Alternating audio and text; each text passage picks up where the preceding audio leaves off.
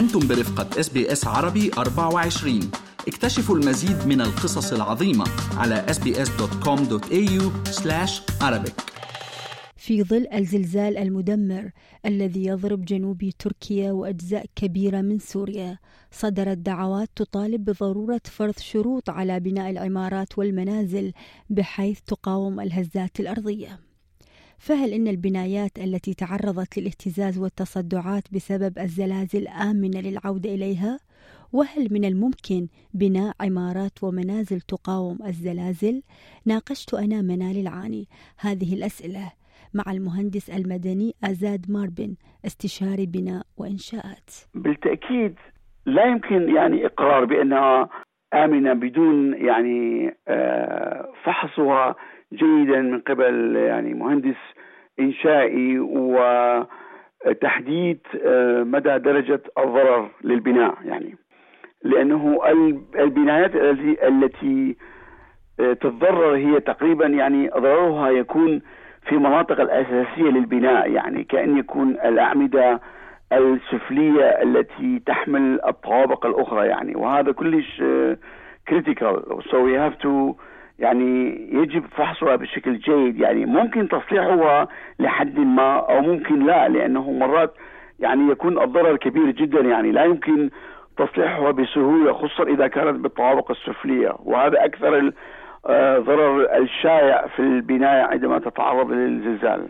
نعم. أستاذ آزاد هل من الممكن بناء آه، عمارات أو منازل تقاوم الزلازل؟ إذا نتحدث بضوء ما يحصل الآن بتركيا وأيضا بأجزاء كبيرة من سوريا. بالتأكيد يعني هسه حاليا في دول عالم كثيرة تتعرض لزلزالات يعني مثلا في الولايات المتحدة في ولاية كاليفورنيا في مناطق تشيلي في جنوب شرق آسيا. كلها تتعرض إلى إلى إلى الزلزالات والأبنية الحالية كلها يتم تصميمها لمقاومة القوى الزلزال اللي هي تتضمن بالقوه الجانبية يعني الهزات الزلزالية تولد قوة مؤثرة على المبنى متناسبة مع كتلة المبنى. يعني قد ما تكون أبنية مرتفعة عالية تكون قوة يعني الهزة الأرضية إلى أقوى يعني.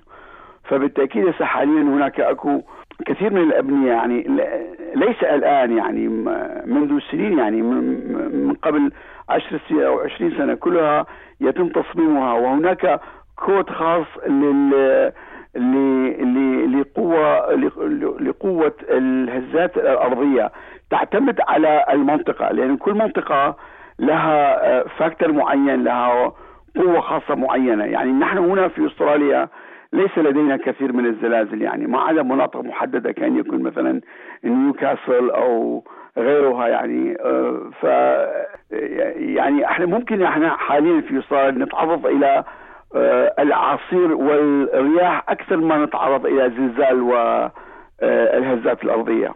نعم. هل هنالك أستاذ آزاد آه، عوامل آه، قد تؤثر على البناء آه، بحيث تجعل البناء يقاوم الزلازل أو حتى أي كارثة طبيعية؟ التصميم الإنشائي مهم جدا والمواد المستخدمة للبناء أيضا لها أهمية يعني طبعا مثلا الحديد الصلب والأخشاب لها مرونه أكثر من أشياء أخرى مثلا مثل ال concrete والطابوق والشغلات الأخرى. آه، بس ال concrete يكون إذا إذا يتم تصميمه بشكل جيد وفيه الكمية الصحيحة من التسليح يكون هو أيضا مقاوم للهزات الأرضية يعني. لذلك نحن مثلا آه، هنا في أستراليا مثلا خصوصا يعني المنازل التي هي غالبيتها يعني single story أو double story مصنوعة من الخشب فهذه لا تؤثر كثيرا في قوة الهزات الأرضية. تحدثت ببداية اللقاء عن يجب أن يكون هنالك فحص أو تقييم على كل البنايات التي تصدعت أو تضررت بسبب نعم. الزلزال أو حتى الكوارث الطبيعية الأخرى من أجل أمن وسلامة عودة السكان لها بشكل عام. كيف من الممكن يتم هذا التقييم؟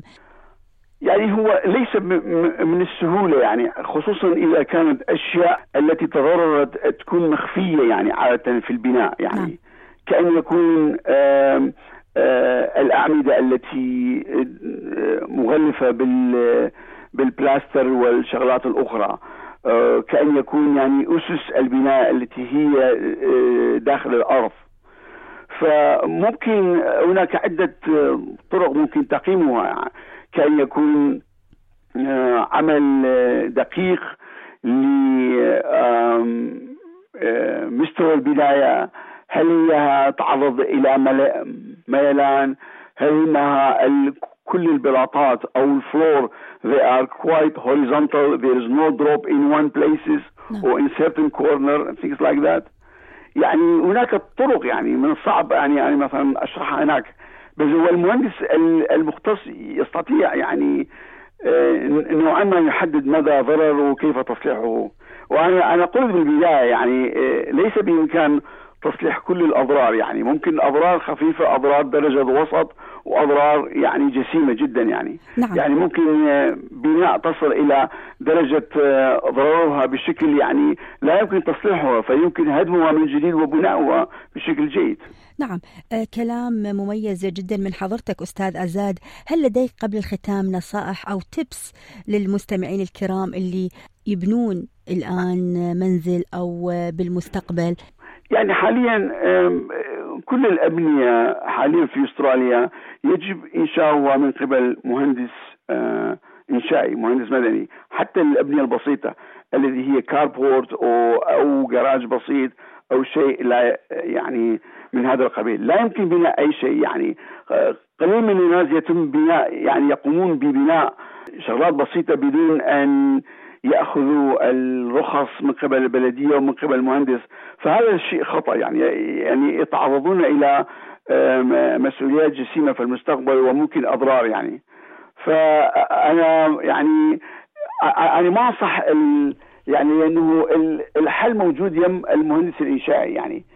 فأي شيء يتم يتم تصميمه من قبل الانشائي أعتقد يكون سيف آه، من النصائح التي طلبتها من عندي هناك أبنية قديمة لم يتم بناؤها حسب المواصفات الهندسية الحالية خصوصا يعني الأبنية التي آه، بناؤها من الطابوق وبارتفاعات عالية. آه، فأنصح الناس جميع الناس إذا إذا كان عندهم هذا النوع من الإنشاء في البيت أن يتم استشارة المهندسين أو المعماريين ليتم تقييم مدى ثبات البناء ومدى يعني what's the stability of the building يعني حتى يعني أي شيء بالمستقبل يحدث حتى لو مو زلزال. أحيانا الرياح قوية ممكن تسبب أضرار أو هدم حائط معين و يصير به ضحايا أو نعم. أضرار جسيمة يعني. هذا بس ملاحظتي الأخيرة يعني. معلومات قيمة ونصائح مهمة من حضرتك. شكرا جزيلا. المهندس المدني آزاد ماربن استشاري بناء وإنشاءات. شكرا على وقتك معنا. شكرا على وقتك. شكرا جزيلا. أهلا بك وبالمستمعين إذاعة إس بي إس.